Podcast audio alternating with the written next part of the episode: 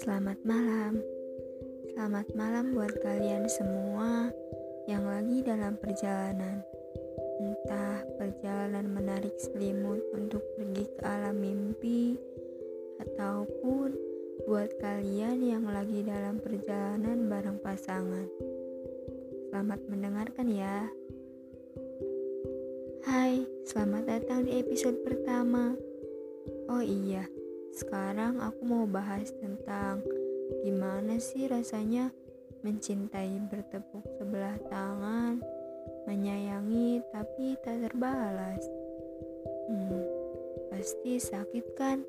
Gak nyaman, sesak sendirian, tapi gak bisa protes apa-apa karena memang bukan siapa-siapa.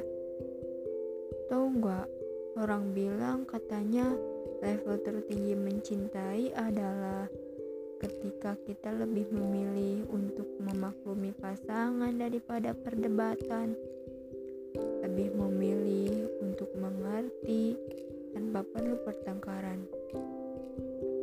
Tapi kadang kita keliru karena sejatinya itu adalah bentuk memendam luka, memendam kecewa yang suatu saat bisa saja menusuk secara diam-diam.